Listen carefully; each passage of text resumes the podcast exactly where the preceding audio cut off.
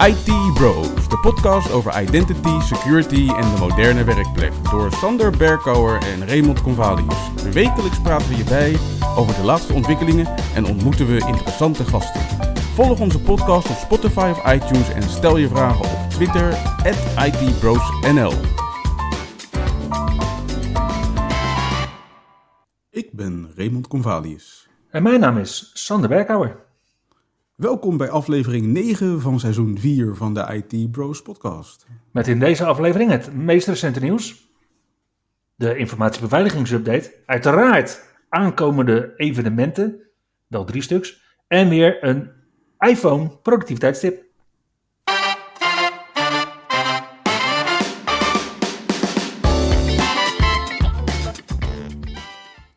Zo, de iPhone-mensen zijn aan boord omdat we een productiviteitstip voor ze hebben. De Windows-mensen, zullen we die ook eens plezieren, Ray, met informatie?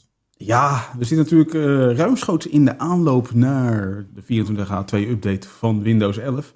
Maar ondertussen is er nog wel een nieuwe beeld uitgekomen in het beta-channel van de Windows Insiders. En dat is beeld nummer 22.635.3212. Uh, daar zit weinig nieuws in, behalve dat ze nu notification badges voor de widgets hebben opgenomen. En ze hebben een paar fixes doorgevoerd, waaronder een zeer traag verschijnende taskbar bij de eerste keer opstarten. En de search bar die ging soms open en heel snel weer dicht en dat hebben ze nu gefixt. De Windows Insiders hebben geen nieuwe beelds uitgebracht voor het Dev en Canary Channel, wat nu een gecombineerd kanaal is. Het gecombineerde kanaal, precies. Maar als je snel bent, hebben ze van 28 februari tot en met 4 maart de Windows Insider Bug Bash. Hmm. En daarbij kan je vanuit de Feedback Hub een aantal quests vinden, waarin je dus vervolgens kan gaan uitproberen wat ze allemaal aan mooie, nieuwe, glimmende features hebben geïntroduceerd. En daar eventueel feedback op leveren. En met de feedback kan je geven, krijg je volgens mij weer punten en maak je het Windows Insider team heel blij. En het is natuurlijk ook een prima voorbereiding op een renewal van een Windows-certificering. Dat ook. Nou ja, als je echt iets meer wil weten voor die Windows-certificering, dan is misschien de nieuwe bug die er is opgetreden er ook wel eentje om erbij te leren. Uh, ja. Blijkt namelijk uh, nu met grote regelmaat niet goed te gaan als je Windows 10 of 11.21H2 of server 2022 probeert te updaten. Dan krijg je een melding die ongeveer luidt als There were some problems installing updates, but we'll try again later. Met de code 0x800-70643. Je kan dan opnieuw proberen en opnieuw proberen. Ja, dat, uh, dat gaat geen verandering uh, brengen. Dat is ook, geloof ik, de, dat is ook wel interessant in onze line of work natuurlijk. Ja, je gaat het gewoon met dezelfde instellingen proberen en dan kijken of je een andere uitkomst krijgt. Het is ook weer de definitie van insanity. Ja, volgens mij gaat die ook in die richting, ja. Inderdaad. in dit geval heeft het echt geen nut om het opnieuw te proberen. Nee, Het probleem blijkt veroorzaakt te worden doordat de partitiegrootte van je Windows Recovery Environment te klein is. Die schijnt standaard 250 MB te zijn. En de nieuwe updates vereisen 250 MB vrije ruimte. Dus dan kom je niet ver met een totale schrijfgrootte van 200 50 MB, althans partitiegrootte. Dus de truc is, vergroot de partitie van Windows RE. Dat zal voor heel veel mensen een redelijke uitdaging zijn. Maar Niall C. Brady komt te hulp. Die heeft daar een prachtig PowerShell script voor geschreven. Zodat je heel snel je partitie kan vergroten en daarna weer kan updaten. Nou, te gek. Heb jij nog Windows 10 Professional of Windows 10 Professional Workstation in je Active Directory of in je Entra ID tenant. Maar doe je deze niet beheren met bijvoorbeeld Microsoft Intune, Configuration Manager, Windows Auto Patch of met een MDM-oplossing van derden, dan gaat Microsoft daar vanaf 9 april 2024 tot en met 25 oktober 2025, dan stopt de ondersteuning voor Windows 10. Mm. Namelijk de Windows 11 23H2 upgrade promoten. Gratis reclame. Gratis reclame op Windows 10 Pro en Windows 10 Pro Workstation in, ja, met Entra ID en Active Directory kunnen we wel zeggen in de zakelijke setting. Dus ja, hoeveel dagen heb je dan? Nou, niet zo heel veel meer tot 9 april. Nee, Om dat eens even te gaan doen. tijd om wat te gaan doen. Dat wordt het sowieso als je nog op Windows 10 zit. Ja, ik zeg het ook tegen mijn werkplekbeheerders hier, maar. Blijkt toch iets moeilijker te zijn. Want ze willen ook gelijk overstappen naar, naar cloud. En, en, ja, en zo duurt een project van een half jaar gelijk inderdaad drie jaar. Ja, Zo gaat dat. Want het is ook een beetje schieten op een bewegend doel. Vooral nu Microsoft Edge 122 hier is in de stable release. Dan hebben we het over versie 122.0.2.365. Dat is het aantal dagen in een jaar. Punt 52 is het aantal weken in een jaar. Mhm. Bij deze versie van Edge zijn er verbeteringen toegevoegd. Sorry, doorgevoerd bij het printen van PDF-bestanden. Ja, en dan hoop je natuurlijk dat er nog meer is toegevoegd, maar helaas, de image enhancement feature is namelijk uitgeschakeld. Maar voor beheerders, dus als je nou toch voor die 9 april datum al eh, in de startblokken schiet, doe dan gelijk hier ook even aandacht aan geven, want je kunt nu als beheerder recommended policies uitrollen op Edge. En dat betekent dat je ze niet hoeft af te dwingen, maar dat je ze inderdaad gewoon telkens weer kunt aanbevelen aan je collega's. En de web capture feature in Edge, die heet nu Screenshot. klinkt logisch. Ja, ik denk ook wel logisch, maar mocht je eh, blind naar web capture gaan, eh, besef je dan dat het nu Screenshot heet en een ander icoontje heeft. Ja. Nou, nu hebben wij afgelopen dinsdag een presentatie verzorgd over hoe om te gaan met tokens en scripting voor Entra ID. Ja, Daarin heb ik één feature bewust overgeslagen, omdat ik zoiets had van dat gebruikt toch niemand. En laat er nou precies voor die feature een update zijn gekomen voor conditional access. Namelijk de authentication flows die nu Ja. zijn te configureren. en uiteraard heb jij het dan over de device code flow. Dat is eigenlijk niet helemaal juist, want je gaat device code flow ook niet gebruiken voor scripten. Het is nog steeds een manier om interactief aan te melden. Bijvoorbeeld op een apparaat zonder toetsenbord of op een gedeeld apparaat. Of als je iets digitaal ondertekent op een daarvoor speciaal apparaat. En de aanbeveling van Microsoft is om dat vooral uit te schakelen. Want het is een hoog risico authentication flow. Want het kan ingezet worden als onderdeel van een phishing aanval. Maar ja, eh, het kan ook bijvoorbeeld, en dat is dan wel malicious insider scenario, dat het ingezet kan worden om organisatorische functionaliteit op een privéapparaat te gebruiken. Dus het oorspronkelijke apparaat voldoet aan alles in conditional access wat je er maar van wil, compliant device, ga ze maar door. En vervolgens doe je device code flow, plop naar jouw apparaat dat als Windows 95 man inderdaad op dat apparaat wil doen en dat werkt dan. Ja, Nou, precies wat je niet, eh, niet wil als beheerder. Maar het grappige is dat in die documentatie ook ineens een nieuwe flow uit de doeken wordt gedaan. Namelijk de Authentication Transfer Flow. En dat is een flow die je zou kunnen tegenkomen in Outlook. Die wordt specifiek met naam genoemd. Waarbij je een QR-code eh, in Outlook krijgt op de PC. Waarmee je dan vervolgens kunt aanmelden op je mobiel met Outlook. ja, En het is ook specifiek van PC naar mobiel. ja. Nou, ik zat vanmiddag nog te denken van waar zit het risicovolle scenario voor device code flow. Ten eerste trouwens, je zegt het is niet voor scripting. Maar als je kijkt naar de opties van Connect MG Graph, Ja, dan ondersteunt die ook device code flow. ja natuurlijk voor interactieve aanmelding. Connect, Connect MG Graph ondersteunt zowel interactief als non-interactief aanmelden. Precies. En non-interactief is voor een script, interactief is voor beheerders en normale stervelingen. Ja. En nu even zeg maar waar ik het mis zou kunnen zien gaan. Waar je device code flow zeg maar nu in het dagelijks leven al gebruikt. Is bijvoorbeeld wanneer je inlogt op een televisie. Om Netflix te gebruiken of NL Ziet of zo'n Ja. dergelijke dienst. En Ja. dan verschijnt er op je tv verschijnt er een QR-code. Die scan je met je telefoon. Vervolgens log je op je telefoon in op de dienst. En is je tv ingelogd. Ja, Nou, dus wat je in theorie zou kunnen doen dus, is dat je ergens een QR-code laat zien aan een collega.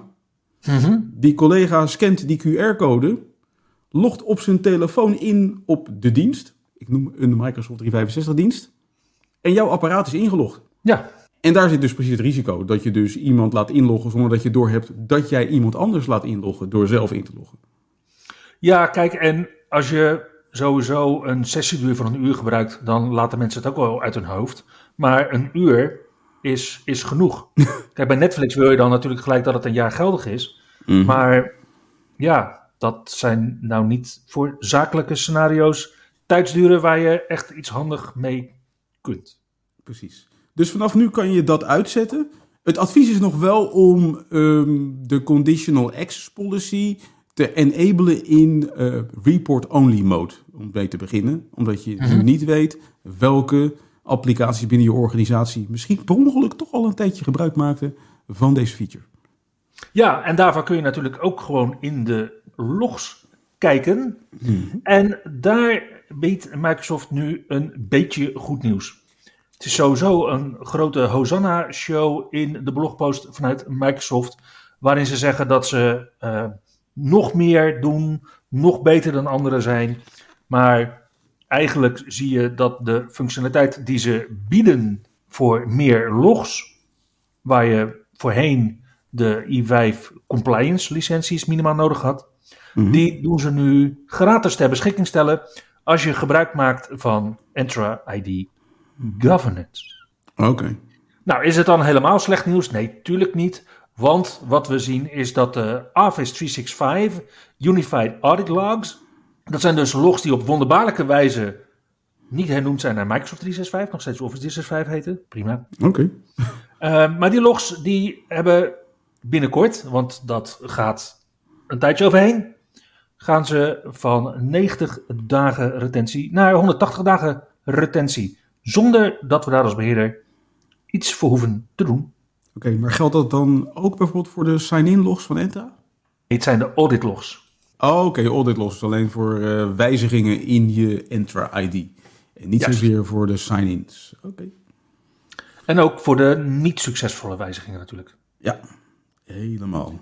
Niet dat je daar ook maar iets aan hebt, want wat we vooral hebben geleerd de afgelopen maanden, is dat aanvallers helemaal niet zo vaak brute forcen. Nee, ze melden gewoon aan met gelekte aanmeldgegevens.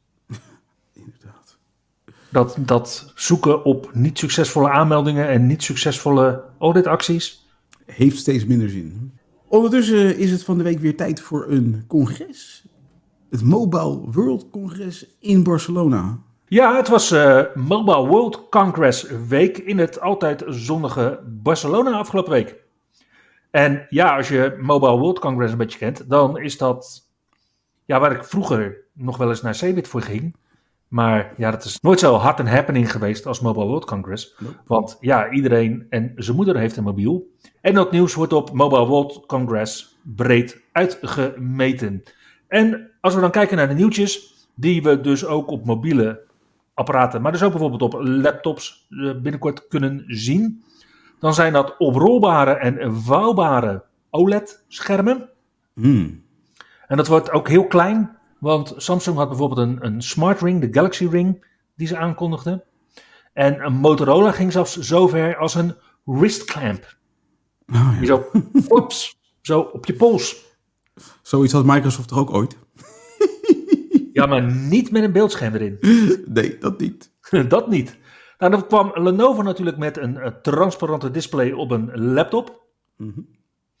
Dan waren er meerdere fabrikanten met bewegende displaywanden. Wat moet ik me daarbij voorstellen? Nou, dat een, een wand bestaat uit eh, verschillende tiles en die tiles die kunnen eh daaruit komen zetten in Oh. verschillende gradaties. Dus Ja. daar kan je mooie golfjes en dat soort dingen mee maken. Geloof het of niet, maar de camera's krijgen weer wat liefde deze MWC.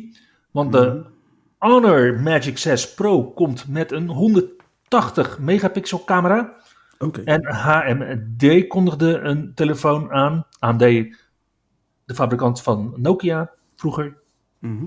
Na de afsplitsing vanuit Microsoft, met een 108 megapixel camera. Zo. En ja, wat je dan natuurlijk wil op zo'n eh, vette megapixel CMOS sensor, is natuurlijk dat je daar je camera accessoires gewoon zo op kunt klikken. Zoals je dat ook op je echte Ja. camera doet. Nou, dat kan eh, vanaf deze zomer met de Xiaomi, en dan zeg ik het volgens mij verkeerd, maar de Xiaomi 14 Ultra. Die heeft gewoon zo'n ring waar je dat op kunt doen. Gewoon vette lenzen op je telefoon. Zeker, zeker. Nou, dan kwam Qualcomm met een Humane AI-pin. Dat is gewoon een pinnetje, eh, een soort broche die je kunt dragen. En dan kan je erop dubbel tappen en dan kan je er tegen praten. En dan praat hij terug. en daarvan zegt Qualcomm, ja, dat zou best wel eens de, de technologie kunnen zijn die mobieltjes opvolgt. Mhm. En daar zie je dan dat Renio bijvoorbeeld daar niet mee eens is. Want die kwamen met hun X2 smart glasses. En dat zijn ook echt daadwerkelijk smart glasses. Echt doorzichtig ook. Maar je krijgt wel display getoond. En je kan er ook tegen praten. Eh, en je ziet aan de buitenkant niet dat daar iets wordt geprojecteerd. Ja, Oké, bijzonder. Heel mooi spul. Zeker. Binnenkort ook in zakelijke omgevingen. Wie weet. Ja, wie weet.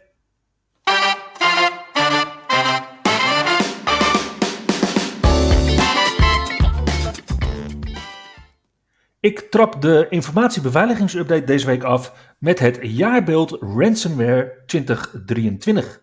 Mm. En die is deze week gepubliceerd vanuit de projectgroep Melissa. Ken je het virus nog? Nou, die. Dat is een samenwerkingsverband ransomwarebestrijding met onder andere het Openbaar Ministerie, Politie Nederland, het Nationaal Cyber Security Centrum, Cyberveilig Nederland, maar ook belangrijke spelers in deze markt als Computest, Data Expert, Deloitte, Fox IT, Kennedy van der Laan, NFIR, Northwave, Tesorion en Trellix. En dat jaarbeeld dat gaat over 147 ondernemingen die openbare informatie hebben gedeeld in de periode januari 2023 tot en met december 2023. En de gegevens in het jaarbeeld, die vond ik nog wel ontnuchterend. Want wat blijkt, van die 147 organisaties ten tijde van de ransomware aanval beschikte 58% niet over een backup. Oh, zo. Terwijl dat wereldwijd maar 30% is. 18% van de organisaties betaalden het losgeld in Nederland. Terwijl dat wereldwijd op 54% ligt. Hmm. Dus blijkbaar zijn we toch gewoon niet zo gehecht aan onze gegevens. Kunnen we gewoon door omdat het misschien allemaal al in SaaS leeft. Mhm. 28% van de initiële toegang was op basis van onrechtmatige aanmeldingen. Dus bijvoorbeeld inderdaad gelekte aanmeldgegevens. En 30% van de initiële toegang was op basis van kwetsbaarheden. Oké, best veel nog. En dat doet me denken aan de gevleugelde Rotterdamse uitspraak: niet lullen, maar patchen. Ja. En als we het toch over patchen hebben, we hebben natuurlijk onlangs Patch Tuesday gehad. En bij Patch Tuesday zat er onder andere een fix voor Outlook vanwege een remote code execution kwetsbaarheid, waarbij de Outlook preview kon worden misbruikt om je machine over te nemen. Ja, dat was bedoeld ooit als informatiebeveiligingsmaatregel en werd met deze kwetsbaarheid het vehikel waarop kwaadwillenden inderdaad hun ding konden doen. Precies. Nou, dus onder CVE 2024-21413 is deze gepatcht onlangs met Patch Tuesday. Maar let op, deze CVE kreeg een score mee van 9,8 op een schaal van 10. En was op Patch Tuesday nog niet in het wild gesignaleerd. Inmiddels is dat wel het geval. Ja, inmiddels is er een publieke proof of concept code, waarbij je dus kunt verwachten dat het nu een kwestie is van dagen, misschien wel een kwestie is van dag, tot het inderdaad in het wild wordt misbruikt. Dus het advies is, niet lullen, maar patch. Inderdaad. Dacht je sinds vorige week af te zijn van een Lockbit, dan zou je best wel eens van een koude kermis kunnen thuiskomen.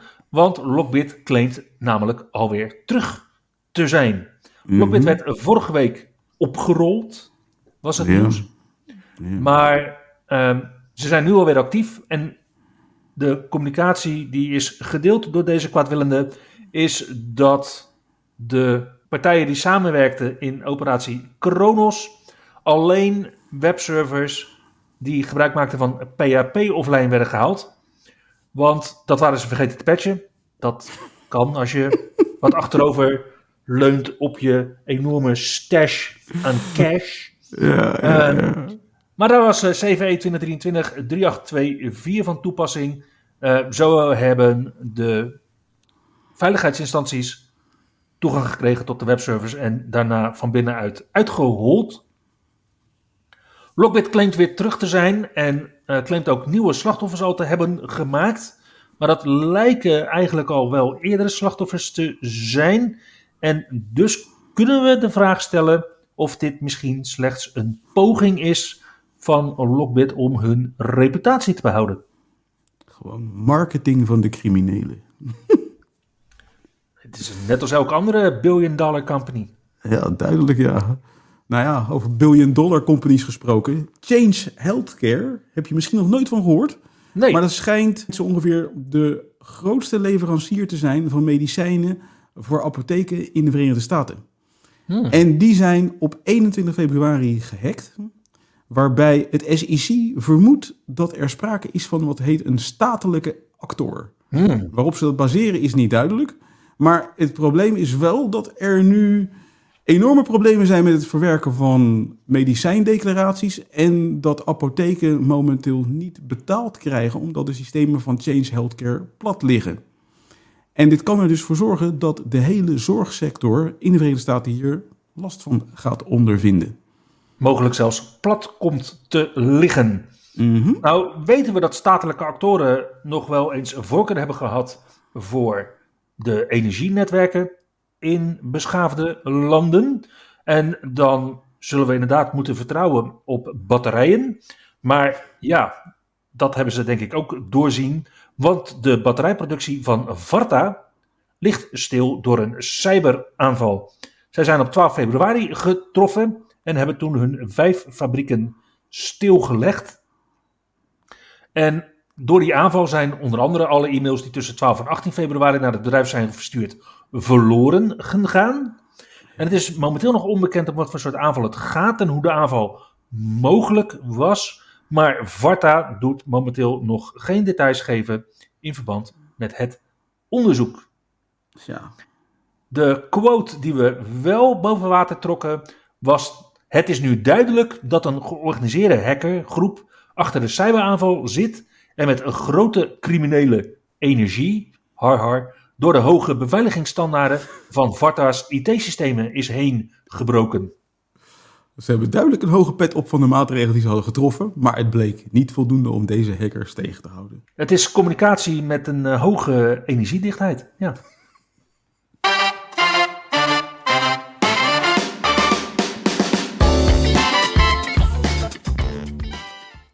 Voor volgende week zien we op de agenda twee evenementen staan. En het is gelukt door die twee partijen om eens een keer niet op dezelfde dag een evenement te organiseren. Mhm. Want Azure Thursday, ja, je raadt het al, dat is dus op donderdag 7 maart 2024, organiseert hun 2024 maart meetup bij IBM in Amsterdam. En daar is onder andere een introductie door sponsor NordCloud. En daarna over GitOps Terraform, Controller en Azure Radius platform. En vervolgens een tweede sessie over Azure Functions. Op zaterdag 9 maart organiseert AZUG bij de Azure User Group België vanaf 10 uur s ochtends de Global AI March 2024 Belgium chapter. En daar zijn een aantal sessies op de agenda geplaatst om helemaal bijgekletst te worden over artificial intelligence in het Microsoft ecosysteem. En als dat nog niet genoeg is, deze week is ook de aankondiging geweest van wellicht de moeder van alle AI-evenementen voor dit jaar. De Work, de Work Doet Summit? Ignite 2024. Oh, We krijgen dit jaar weer een volwaardig Ignite-evenement naar het zich laat aanzien. Want Microsoft heeft aangekondigd dat er een conferentie komt voor vijf dagen van 18 tot en met 22 november in Chicago. Het Hey. allergrootste convention center van de VS.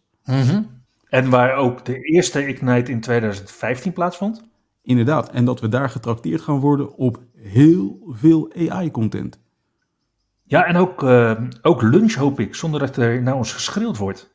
Bijvoorbeeld. Nou, ik kijk er wel naar uit. Ik kijk er echt naar uit.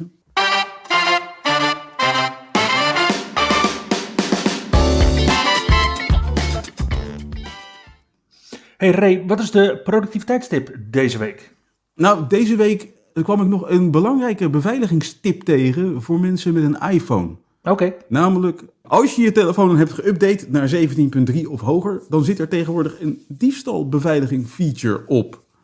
En die diefstalbeveiligingsfeature die zorgt ervoor dat als je telefoon wordt gestolen en iemand op een ongebruikelijke locatie probeert om je wachtwoord te wijzigen van je telefoon, dat dan er een uur vertraging optreedt voordat het wachtwoord van je iCloud-account kan worden gewijzigd. Vervolgens is het ook nog eens een keer zo dat vanaf het moment dat dan die PC, of dat dan die telefoon zich op die vreemde locatie bevindt, dat er dan een soort van blokkade optreedt, waardoor je ook je telefoon niet meer gewoon kan unlocken, maar dat alleen nog maar kan doen met je Face ID. Dus op die manier eh, is je telefoon, telefoon dan gewoon nog langer zeg maar, beschikbaar om aan te geven dat je hem hebt gestolen en dat hij in zeg maar, een, een, een modus terechtkomt dat de dief er helemaal niks meer mee kan. Ja. Maar als je dit wil doen, dan moet je wel nog even zorgen dat je dit aanzet.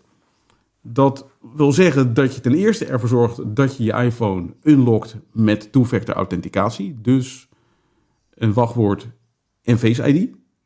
of Touch ID, als je nog een hele oude... Of Touch ID, ja, inderdaad. Ja, maar wacht eens even, die telefoons met Touch... ah ja, de SE, die krijgt 17.3.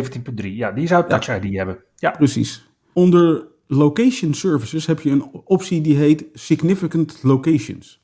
Die moet je aanzetten. Daardoor gaat je telefoon herkennen of je thuis bent of op je werk. Standaard locaties. En ja. herkent hij dus ook de niet-standaard locaties. En als je dan vervolgens de optie Stolen Device Protection aanzet, zorg je ervoor dus dat je het dieven, potentiële dieven van je telefoon een stuk moeilijker maakt op je iPhone. ja, dat het dus niet meer alleen maar noodzakelijk is om je PIN of je wachtwoord te achterhalen door over je schouder mee te kijken, maar dat ze inderdaad ook echt jouw gezicht moeten hebben. Ja. Dus Of- eigenlijk, Of je vingerafdruk. ja, dus eigenlijk is dit wel ook weer een enorme promo om vooral biometrische authenticatie toe te gaan passen op je telefoon. Yep.